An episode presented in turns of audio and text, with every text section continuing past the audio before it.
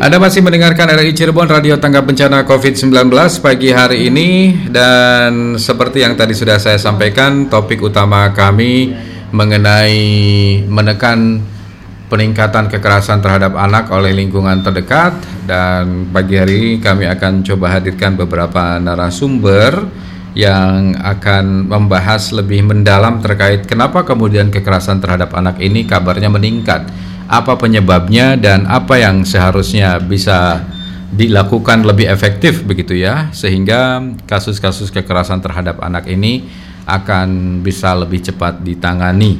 Dan kami nanti akan hadirkan dari DPP KBP 3A kemudian dari Forkoci kemudian dari LSM saya juga uh, coba untuk bisa menghubungi uh, salah satu psikolog anak juga untuk kita coba cari tahu dari beberapa sudut pandang kenapa kemudian anak ini menjadi uh, target yang paling mudah begitu ya untuk menjadi korban kekerasan terhadap anak. Saya nantikan pendapat Anda silakan di 0231849329 yang mungkin pagi hari ini juga ingin bergabung pagi hari ini Uh, sekali lagi nomornya 0231849329. Kami akan hadirkan dulu perbincangan sambil kami berbincang Anda bisa menelpon kami ya. Silakan di 0231849329. Di ujung telepon sudah ada narasumber yang pertama Ibu Hajah Ida Laila Rupaida MPD Kabiro P3A dari DPP KBP 3A. Kita akan sapa dulu. Assalamualaikum, Bu Haja. Waalaikumsalam warahmatullahi wabarakatuh. Iya, terima kasih ini sudah bersama kami pagi hari ini Bu Hajah Ida. Apa kabar iya. pagi hari ini, Bu?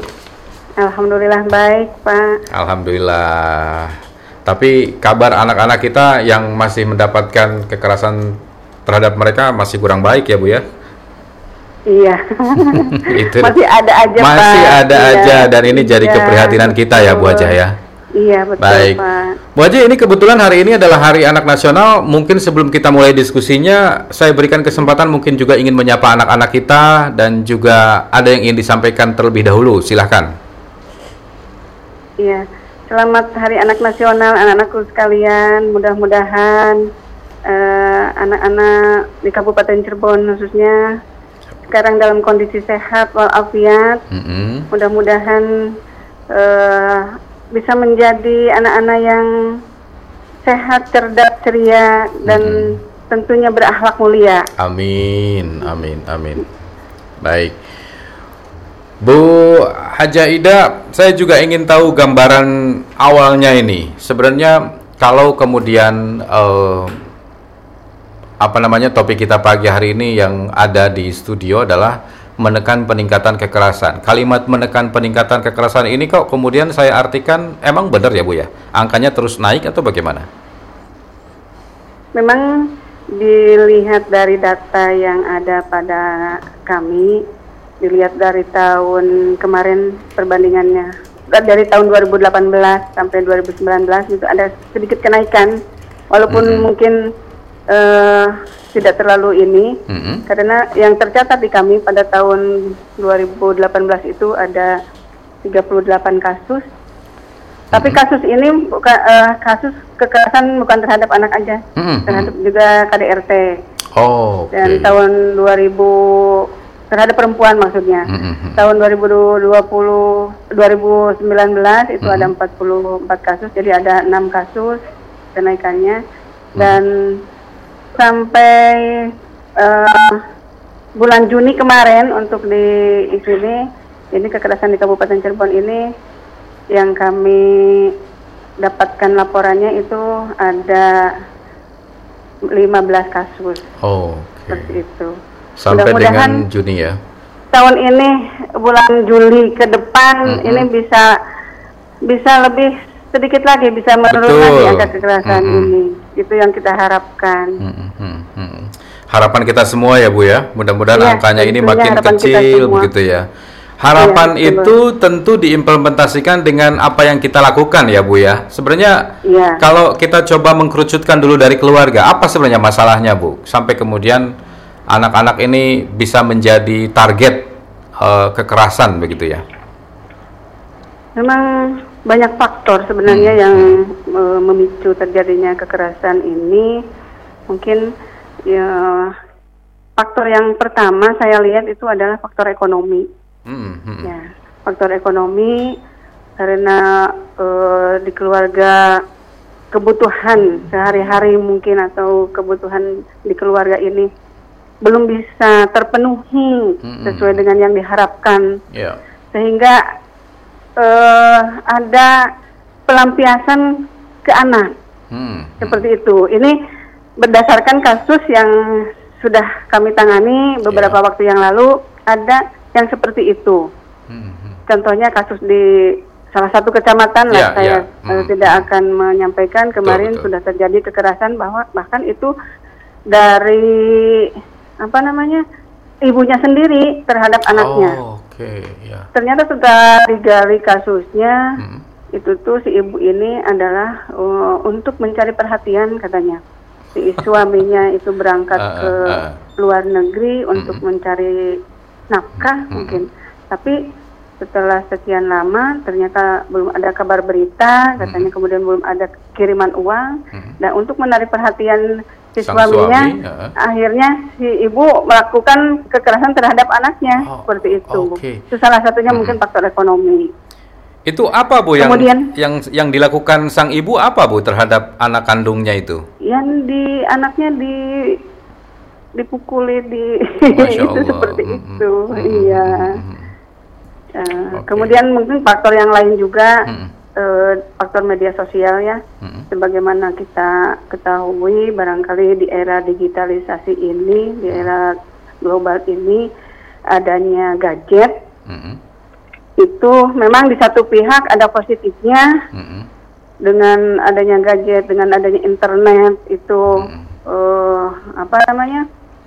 Kita bisa mendapatkan informasi Lebih baik banyak gitu ya. pengetahuan Mm, mm. atau yang lainnya, tapi di sisi yang lain juga kalau gadget ini dipakai oleh anak-anak Mm. yang tentunya isinya tidak difilter, Mm-mm. tidak disaring, Iya. itu ada hal-hal yang negatifnya juga Hmm. karena di situ eh, ada contohnya tayangan-tayangan atau tontonan-tontonan Mm, yang tidak seharusnya untuk dilihat oleh anak-anak kita Iya. dan ini kalau seperti itu anak-anak eh, terpengaruh oleh tontonan-tontonan tersebut Hmm. dan akhirnya pelampiasannya itu dilampiaskan kepada di real di kehidupan nyatanya Iya, iya, iya.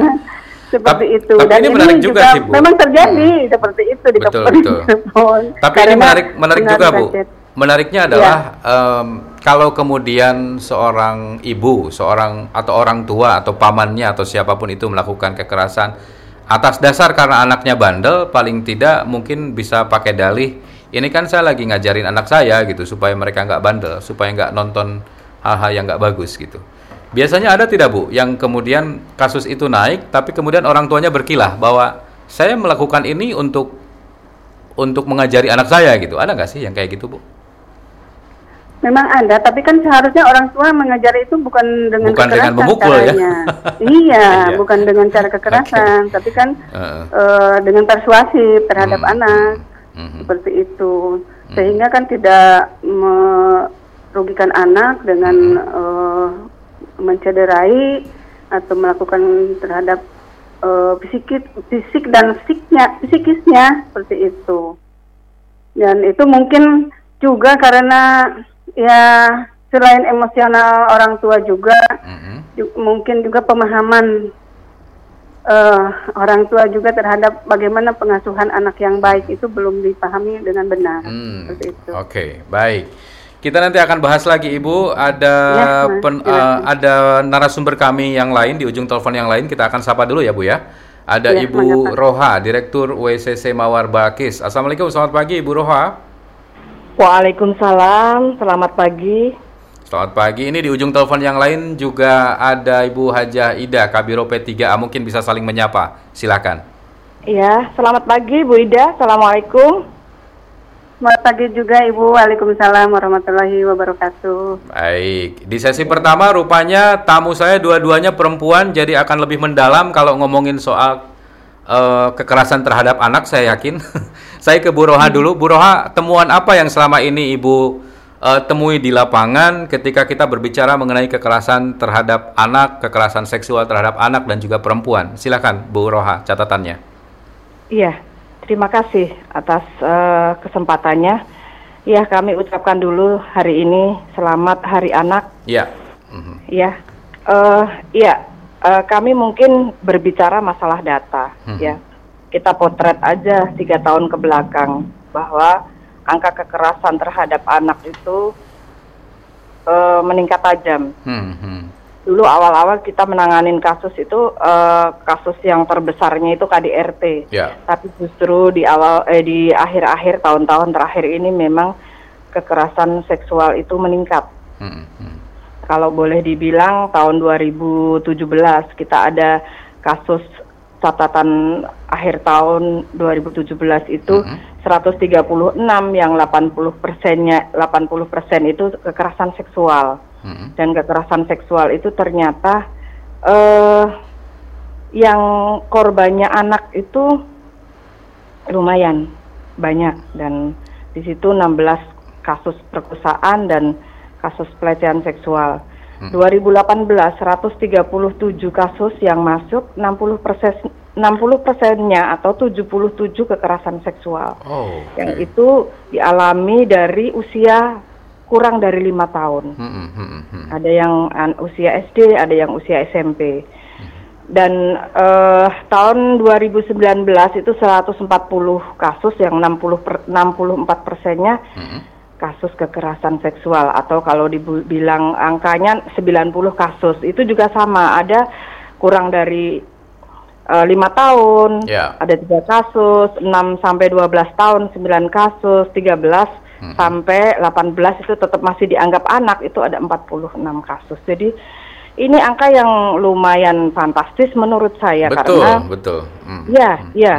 Dan uh, kalau boleh di, dilihat hubungan antara korban dengan hmm. uh, pelaku itu kebanyakan itu dari keluarga. Oh, orang-orang terdekat berarti ya? Orang-orang terdekat. Baik, ya.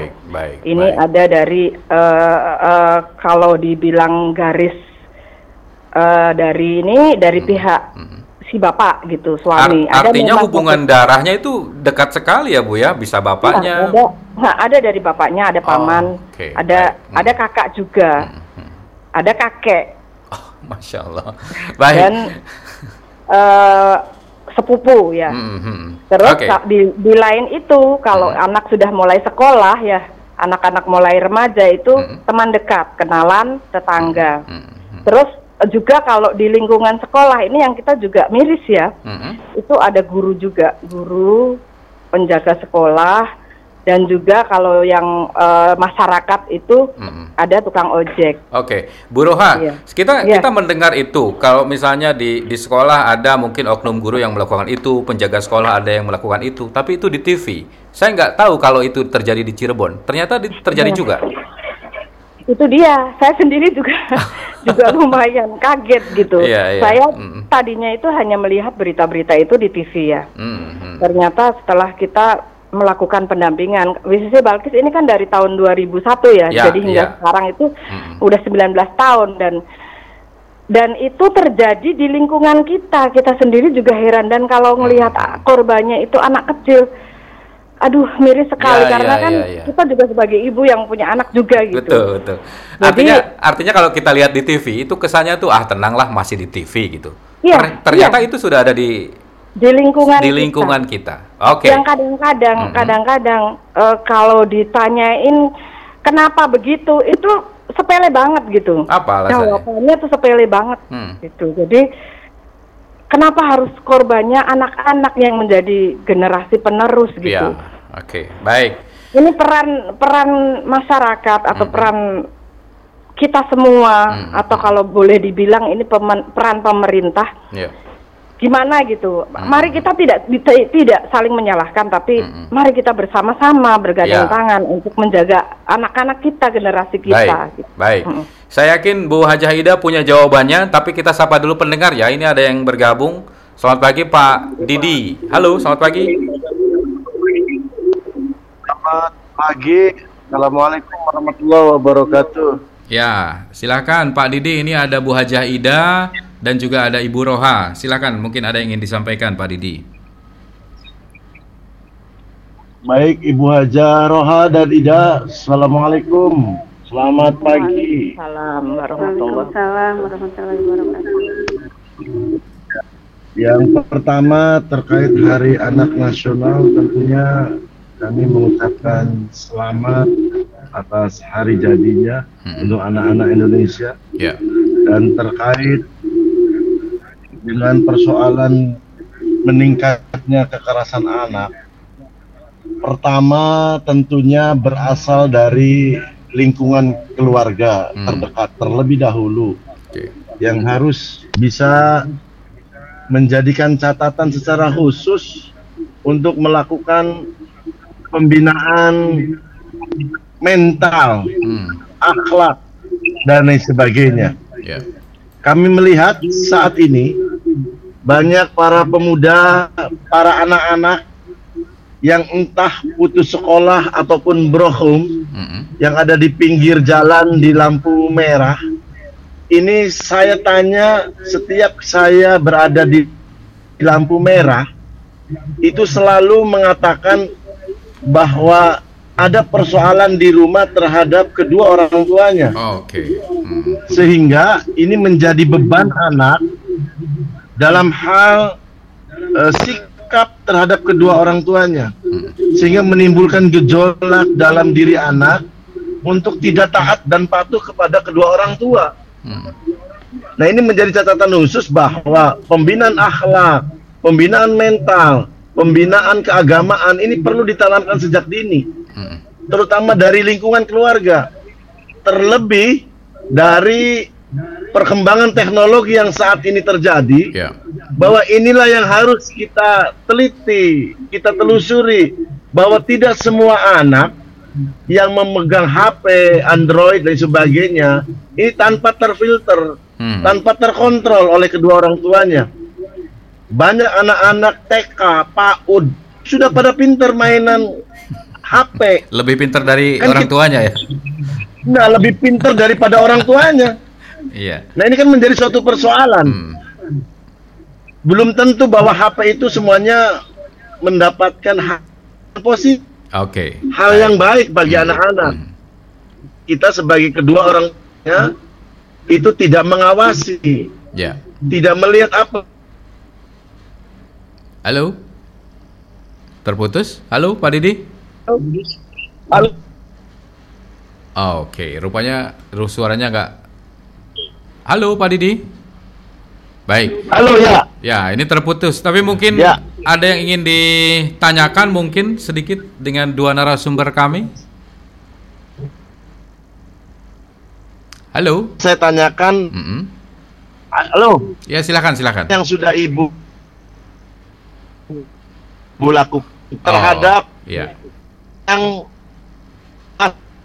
pinggiran jalan ter- di lampu-lampu merah. Siap, Itu siap. kan katanya anak-anak pang. ya Oke. kan anak-anak yang tidak jelas lah Baik, baik. ya ada yang sudah hamil dan sebagainya nah ini apa langkah-langkah apa yang sudah Baik. dilakukan terhadap pembinaan mental kepada mereka-mereka akankah dibiarkan terus seperti Baik. itu Mhm. bagaimana masa depan anak untuk kebanggaan bangsa Indonesia wabil khusus kebanggaan kedua orang tuanya Mhm. Terima kasih Pak Begitu Didi. barangkali Mas Siap. terima kasih Siap. selamat Hari Anak Nasional Mhm. Salam untuk kru RRI Cirebon Mhm. dan juga salam untuk Ibu yang saat ini menjadi narasumber. Baik. Terima kasih. Terima kasih.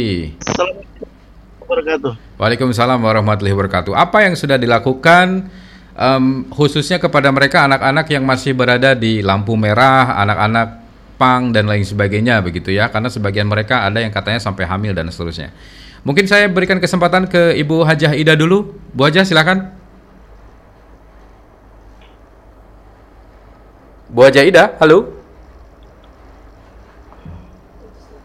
Oke.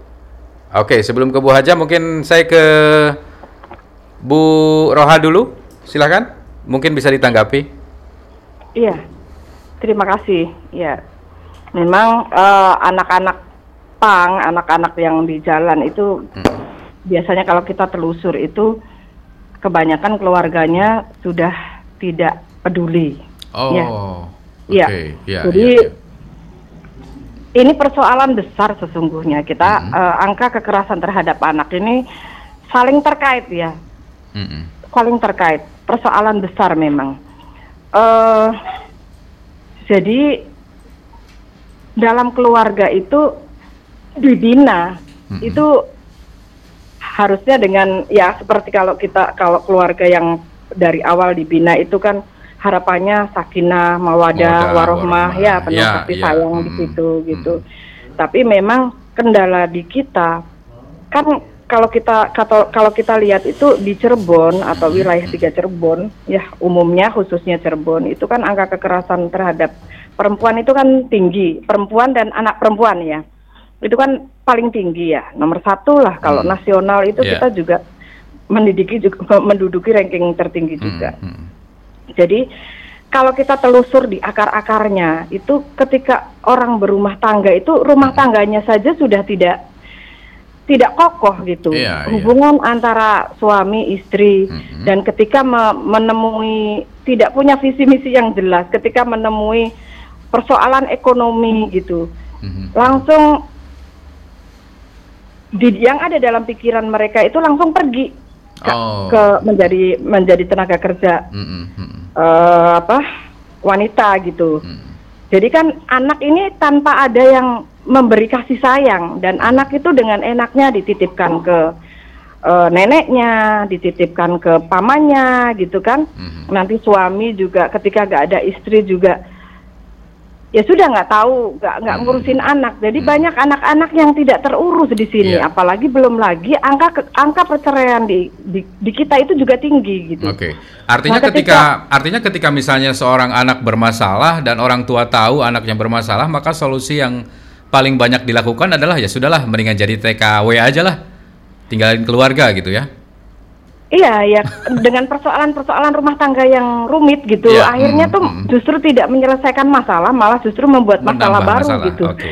Ditinggal, ditinggal pergi gitu. Kita Mm, mm. dan ya kalau saya amati dari kasus-kasus korban anak yang menjadi korban, karena saya Mm. lebih lebih fokus di korban di Iya, di apa menanganin kasus ya. Mm, Jadi mm. jadi mungkin kalau yang tadi ditanyain bapak mungkin memang eh, lebih ke Bu Ida ya. Mm, mm. Kalau saya kan lebih menanganin kasus ya, kasusnya yang sudah terjadi. Sudah terjadi. Nah biasanya Mm, itu memang anak-anak korban kekerasan itu yang memang di dalam keluarganya itu ya bermasalah gitu. mm, mm, mm, mm, mm. Ya biasanya anak itu eh, c- apa keluarganya cerai gitu. Jadi hanya Hmm. ibunya. Ibunya eh, menanggung beban perekonomian. Jadi mengurusin anak tidak menjadi fokus. Oke. Terus juga keluarga yang ditinggal oleh salah satu yang biasanya ibunya yang pergi Hmm. menjadi TKW gitu Hmm. kan, itu anak menjadi urusan siapa, tanggung jawab siapa gitu. Kalau Hmm. dititipin nenek, neneknya kan asal anak diem gitu ya. Kalau bahasa Iya, orang Cirebonnya iya, iya. asal anak idep gitu Yang ya. penting anteng.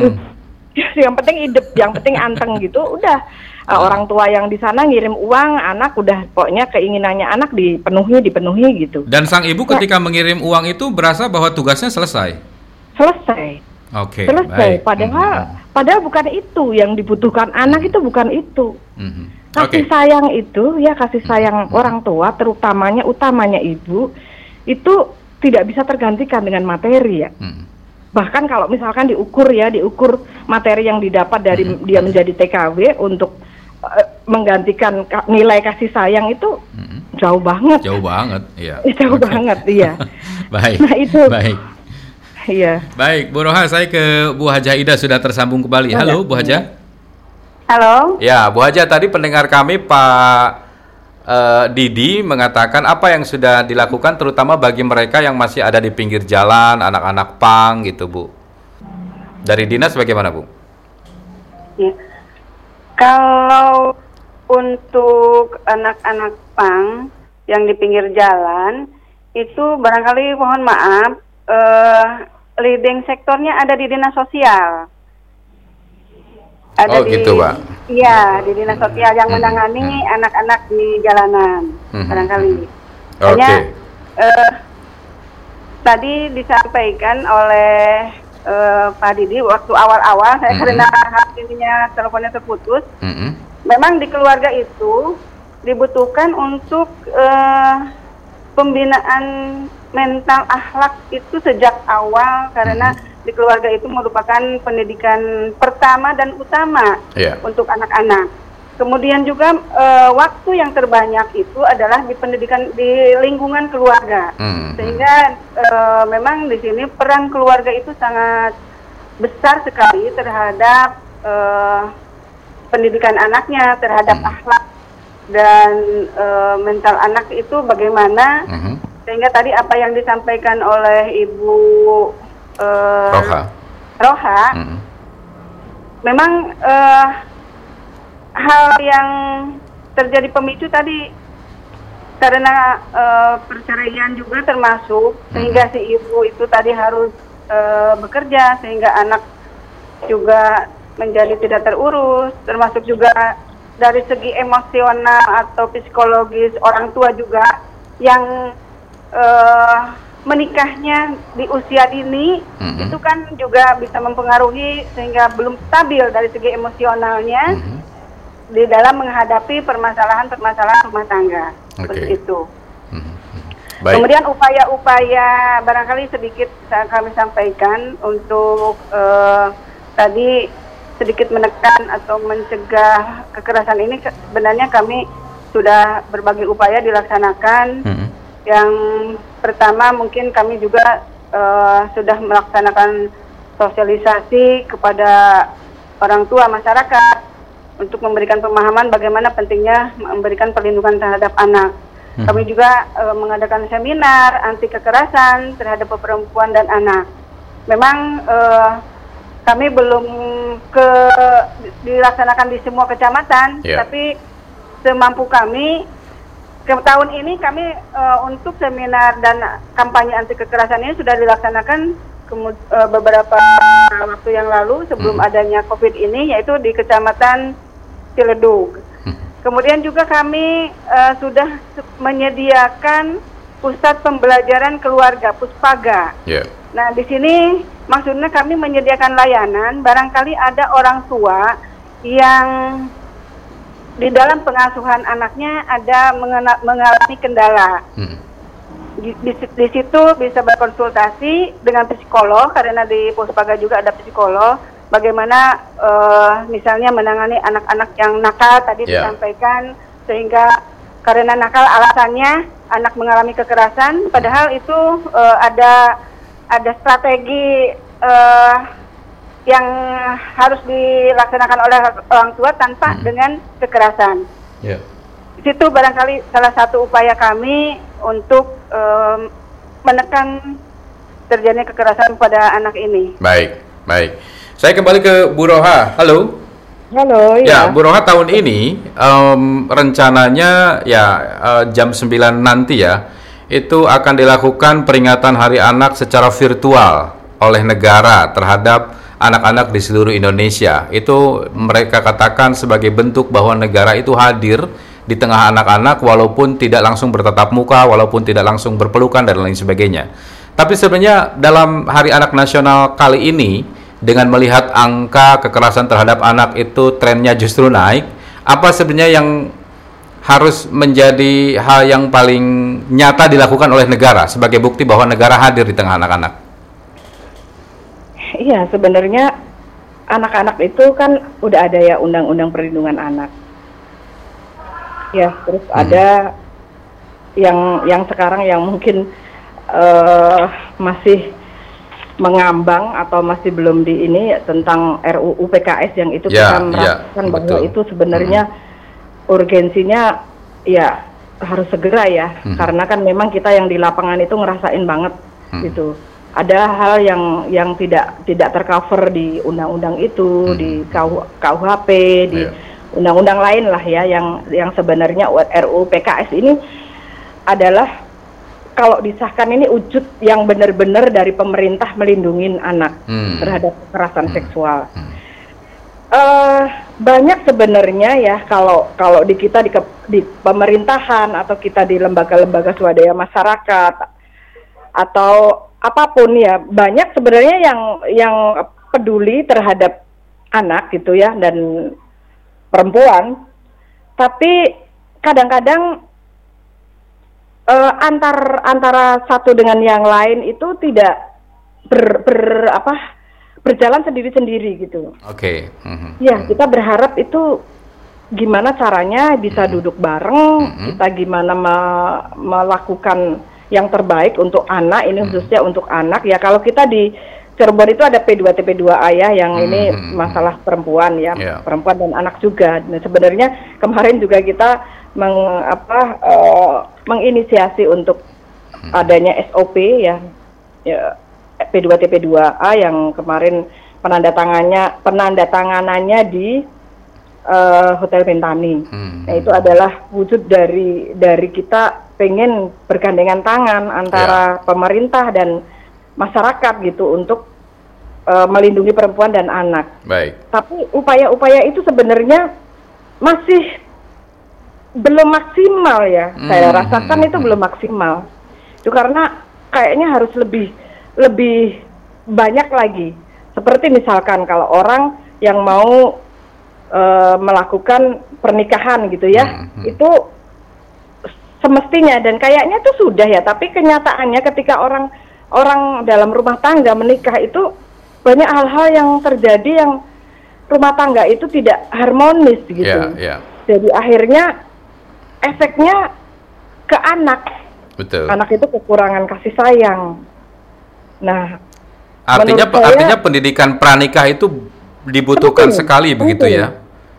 Penting sekali. Hmm. Dan uh, menurut saya ya menurut saya hmm. bisa enggak ya kalau misalkan gini, kalau misalkan ketika orang itu punya anak di bawah umur ya, hmm. Hmm. katakan anak yang belum dewasa. Ya itu orang tuanya, ibunya terutama tidak boleh pergi menjadi tenaga kerja wanita. Oh, enggak okay.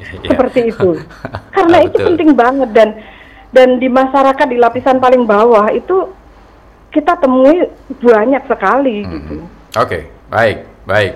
Saya kembali ke ya, Bu Ida. Bu Ida bisa nggak? Eh, saya nggak tahu ini bagiannya Bu Ida atau bukan. Tapi bisakah kemudian seseorang yang punya anak di bawah umur tidak diperkenankan mereka untuk jadi pegawai, uh, sorry, pega, apa uh, pekerja? Iya, jadi TKW, jadi TKI begitu. Iya uh, mohon maaf barangkali itu juga bukan kewenangan kita ya mungkin itu ada di disnaker karena yang uh, hmm. memberangkatkan TKI itu uh, hmm. kewenangannya ada di disnaker. Oke, okay, mungkin saya pertanyaannya saya ganti aja. Kalau dari sudut pandang Bu Ida, kira-kira hal itu bisa nggak seharusnya dimasukkan? Dimasukkan. Misalnya, jadi oh. misalnya ibu bisa mengajukan itu ke dinas terkait bahwa jangan dong, jangan dikasih izin dong kalau misalnya dia masih punya anak di bawah umur gitu bisa nggak sih sebenarnya? Ya nanti kita coba koordinasi barangkali hmm. sebagai masukan tadi apa yang disampaikan oleh Ibu hmm. Roha ini hmm. bagus sekali dan sebenarnya kami sangat mendukung kalau ada aturan iya. seperti itu. Hmm, betul betul itu yeah. insya Allah nanti mungkin kita uh, akan koordinasi dengan Disnaker hmm. mudah-mudahan apa yang diinginkan oleh Ibu Roha hmm. dan tentunya oleh kita semua mudah-mudahan kalau yang Uh, orang tua yang masih mempunyai anak balita itu tidak diperkenankan ah, untuk berangkat betul betul Bu Haji. Dan oh. perlu juga kami hmm. sampaikan uh, dalam rangka untuk mencegah pernikahan dini ini hmm. kami juga uh, sudah uh, melaksanakan kegiatan kampanye itu perka, apa namanya anti perkawinan dini oh, itu. Okay. Yeah. Ya, mm-hmm. mencegah perkawinan uh, perkawinan an anak itu. Mm-hmm. Jadi kami juga sudah hanya sebatas untuk melakukan kampanye ataupun uh, sosialisasi kepada masyarakat mm-hmm. bagaimana supaya masyarakat memahami yeah. bahwa perkawinan dini itu tidak baik untuk di dilakukan apa namanya gitu ya? untuk dilakukan hmm. oleh anak-anak kita seperti itu. Baik. Baik, Bu Haja Ida, apa harapan dari Ibu uh, di Hari Anak tahun 2020 ini? Silahkan Bu Haja. Ya, harapan kami tentunya juga mungkin harapan kita semua. Ya, Mudah-mudahan anak-anak Indonesia ini, khususnya anak-anak yang ada di Kabupaten Cirebon, mm-hmm. nantinya men- akan menjadi anak-anak yang sehat, mm-hmm. yang cerdas, mm-hmm. ceria, berakhlak mulia, dan tentunya yeah cinta tanah air. Amin. Dan kami juga mengharapkan nanti anak-anak Kabupaten Cirebon ini ke depannya bisa ada yang menjadi pemimpin bangsa Amin, di ya masa yang Allah, akan amin. datang. Hmm. Itu barangkali harapan kami. Baik. Mudah-mudahan ini saya yakin harapannya bukan harapan dari Bu Ida dan dari dinas, tapi ini harapan kita semua ya, Bu Haji ya. Betul, betul. Betul, iya. baik. Bu Haji Ida, terima kasih sudah bersama kami. Lain waktu kita bisa diskusi lagi ya, Bu Haji ya.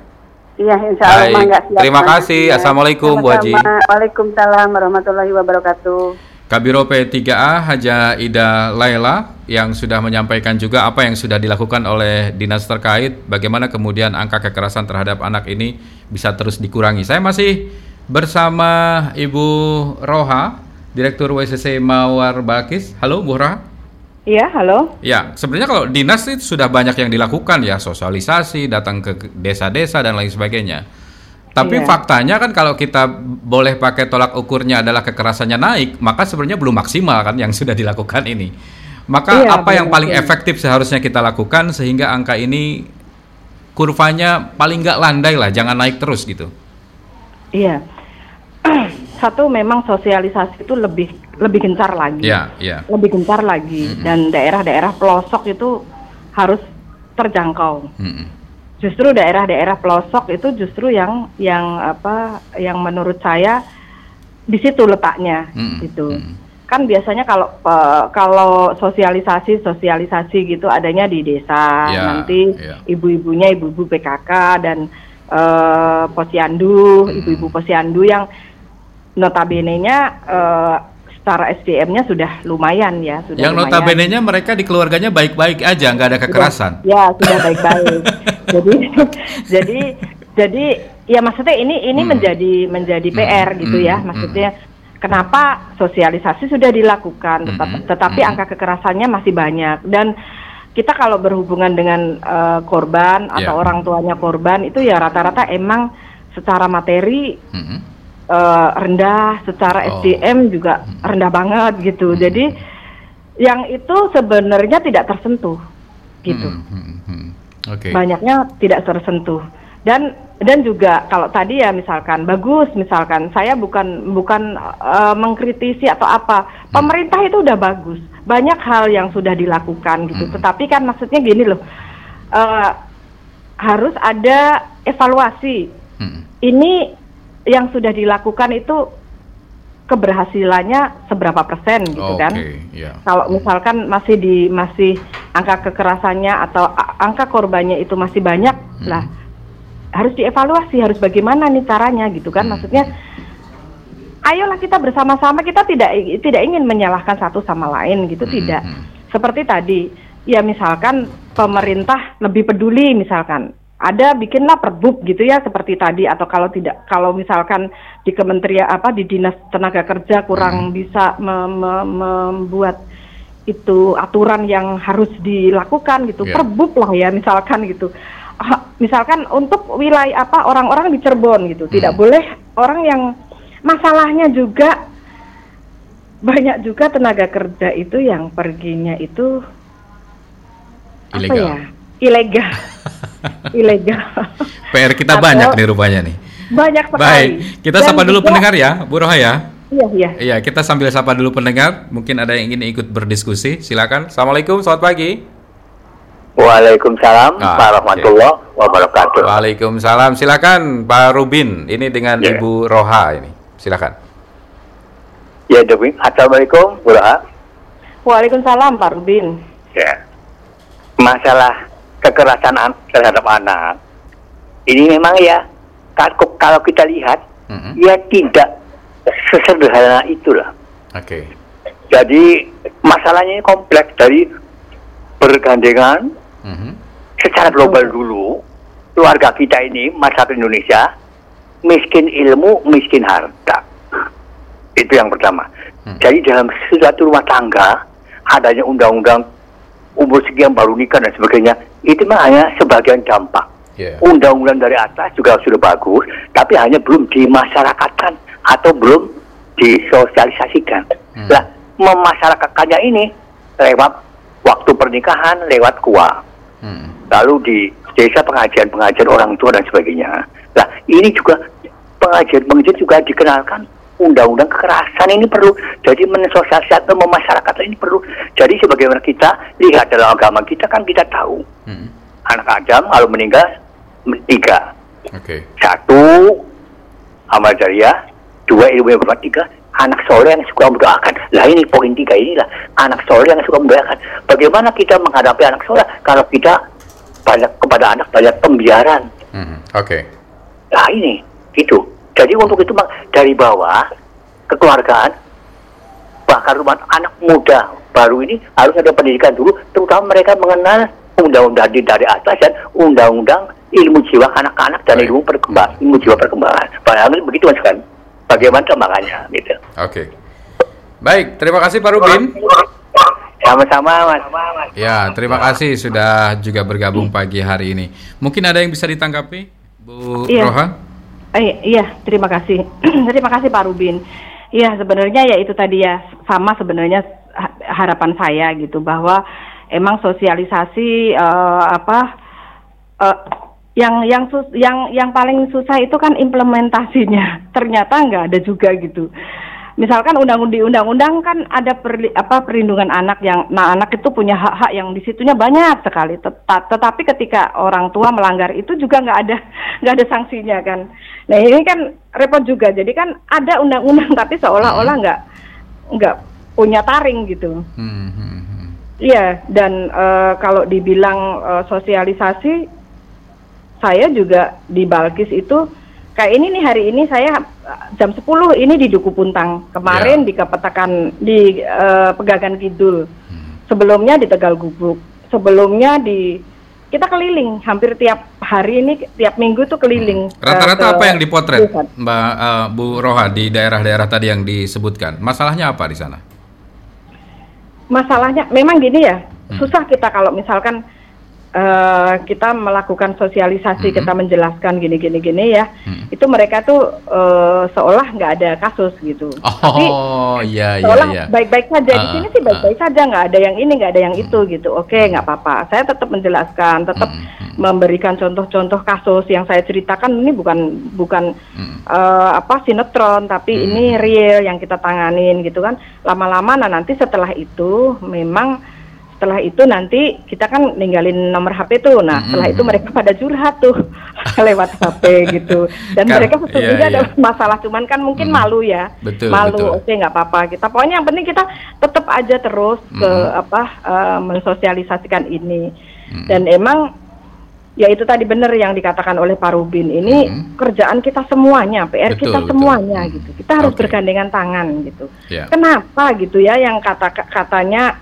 Cirebon itu kota wali Mhm. kota santri gitu tapi Kekerasannya angka masih tinggi. kekerasannya kekerasannya justru sangat tinggi Oke, gitu baik. nah ini ini tamparan buat kita makanya kita Mhm. semua ini PR kita semua gitu Hmm. Baik. Bu Roha ini di ujung telepon ada pendengar lagi. Halo, Assalamualaikum. Halo, Assalamualaikum. Waalaikumsalam warahmatullahi wabarakatuh, Bung Muhammad Subhan. Baik, Bu Indra, ini kalau dari suaranya sepertinya di perjalanan ini. Iya betul. Oke, silakan. Ini ada Bu Roha dari Mawar Balakis. Apa yang ingin disampaikan, Iya. Bu Indra? Iya, begini. Eh, kalau menurut saya, melihat kekerasan yang terjadi pada anak walaupun dan juga kekerasan seksual itu, eh, pada dasarnya eh, orang tuanya dulu juga mengalami kekerasan. Hmm. Nah, jadi kalau negara mau membantu, saya pikir eh, kalau yang di kota mungkin sudah eh, banyak menerima ilmu, nah yang dari yang di kampung ini, eh, apakah tidak ada sosialisasi ke desa-desa gitu, yang eh, mendidik para orang tua untuk menyayangi anaknya? Oke. Itu kata dasarnya Hmm.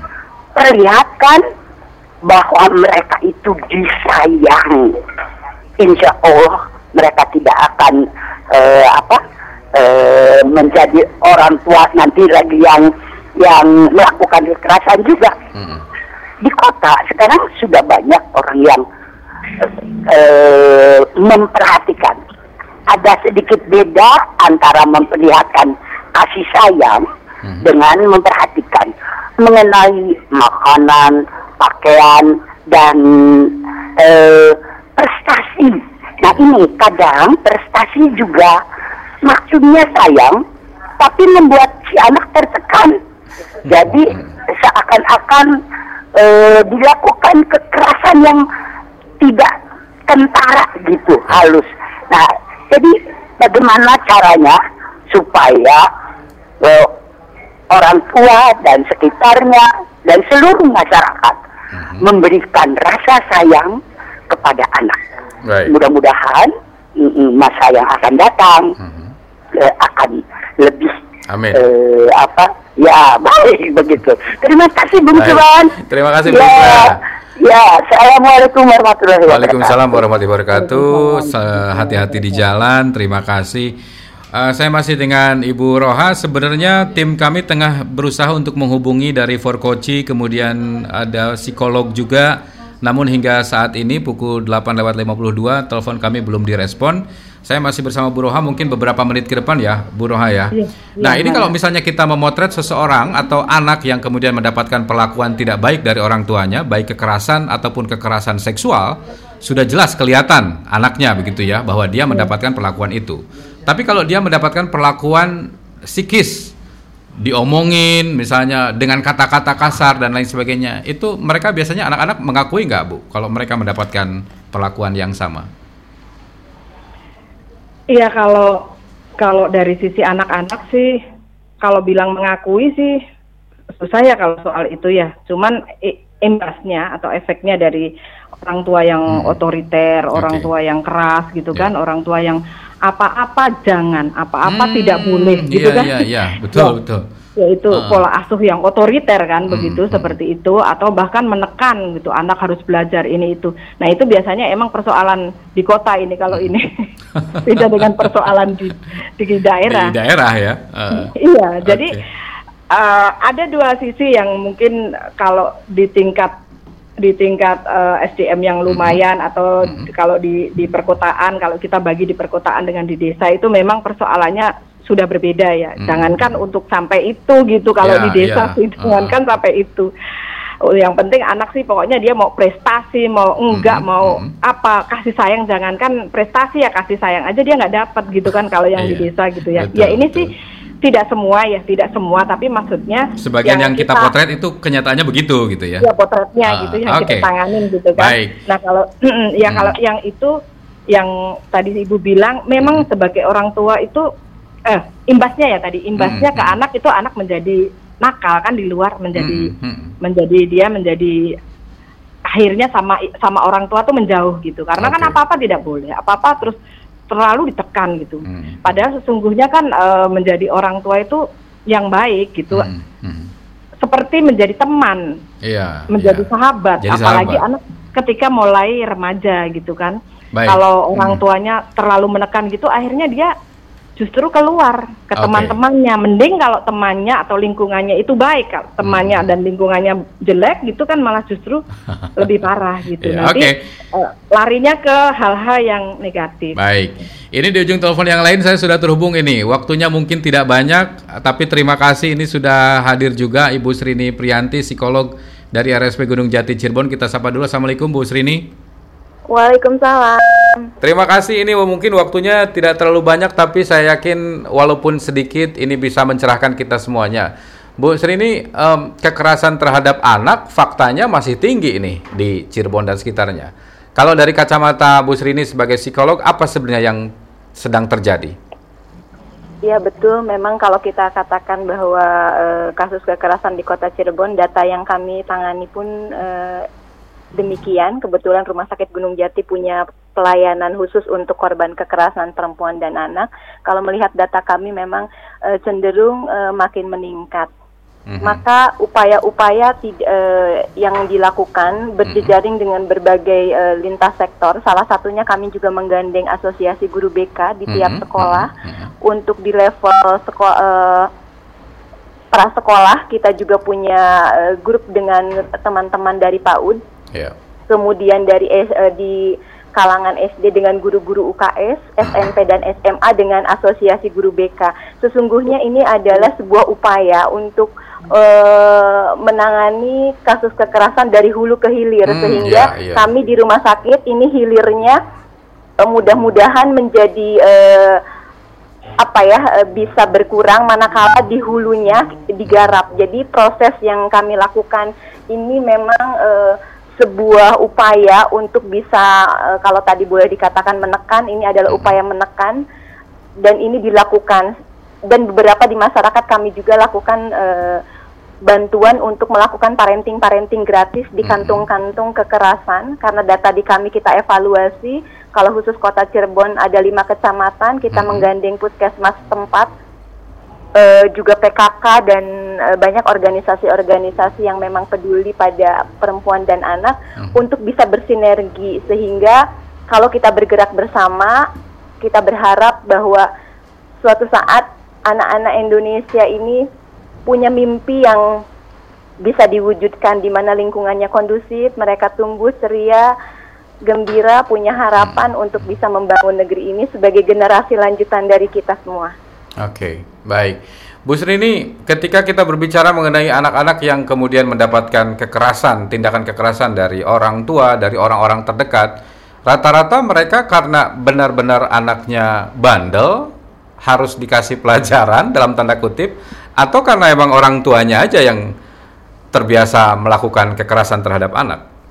Ya, banyak faktor. Salah satunya memang ada latar belakang eh, keluarga karena mata rantai kekerasan memang ini tidak bisa diputus tiba-tiba. Jadi latar belakang keluarga, biasanya para orang tua yang mendapatkan kekerasan cenderung eh, melakukan kekerasan hal yang yang sama pada anak-anaknya. Berikutnya dari faktor anak. Banyak korban kekerasan itu anak-anak yang berkebutuhan khusus. Oh, Artinya oke. eh, dari diri anak tersebut juga memiliki keterbatasan. Art- eh, dengan keterbatasan ini, kenapa kemudian masyarakat, unsur pemerintah, keluarga dan harus hadir? Sesungguhnya upaya untuk perlindungan anak-anak ini. Hmm. Karena apa? Kalau hanya mengandalkan mereka dengan keterbatasan itu, lingkungannya tidak diciptakan untuk kondusif agar tidak terjadi kekerasan, ini menjadi sulit. Itu Ya. sebabnya eh, kami garap di beberapa eh, sektor eh, sesungguhnya untuk tadi semuanya bergerak bisa, eh, ketemu di satu titik dan upaya untuk perlindungan terhadap anak dan perempuan ini bisa terwujud. Oke, baik. Terima kasih Bu Srini sudah bersama kami, walaupun Kembali. singkat. Juga Ibu. Roha, terima kasih Bu Roha Ya, sudah sama-sama. menyempatkan waktu juga. Terima kasih. Bersama dari. Balkis ini? Iya betul. Ah, Iya, semangat Mbak kita bergerak bersama ya. Ya. Ayo sama-sama semangat. Baik. Aduh kangen nih, kangen. iya, iya, siap-siap. Kasus selalu datang ke sini walau tidak ketemu kita tangani Mbak. Siap, siap. Baik. Wah ini kalau ibu-ibu udah ngobrol begini, bapak-bapak bisa terlupakan. Iya, bapak-bapak disapa juga, Mari. Terima kasih Ibu Monggo, Srini. iya. Terima kasih Bu Roha. Lain waktu kita mungkin bisa diskusi langsung di studio ya. Mangga. Baik, terima kasih. Assalamualaikum. Waalaikumsalam. Baik, saya berbincang dengan tiga orang ibu-ibu pagi hari ini dengan Kabiro P3A, kemudian dengan Ibu Roha dari Mawar Balkis, dan terakhir singkat sekali dengan Bu Srini Prianti, psikolog RSP Gunung Jati. Dan kita pastikan negara akan hadir di tengah anak-anak walaupun dalam kondisi yang sangat-sangat eh, darurat seperti ini dalam kondisi COVID-19 bahwa kami inginkan negara inginkan anak-anak em, meyakini dalam dirinya bahwa kita semuanya para orang tua ini selalu ada di tengah-tengah mereka semuanya memberikan kasih sayang. Saya Muhammad Subhan undur diri, terima kasih. Sampai jumpa.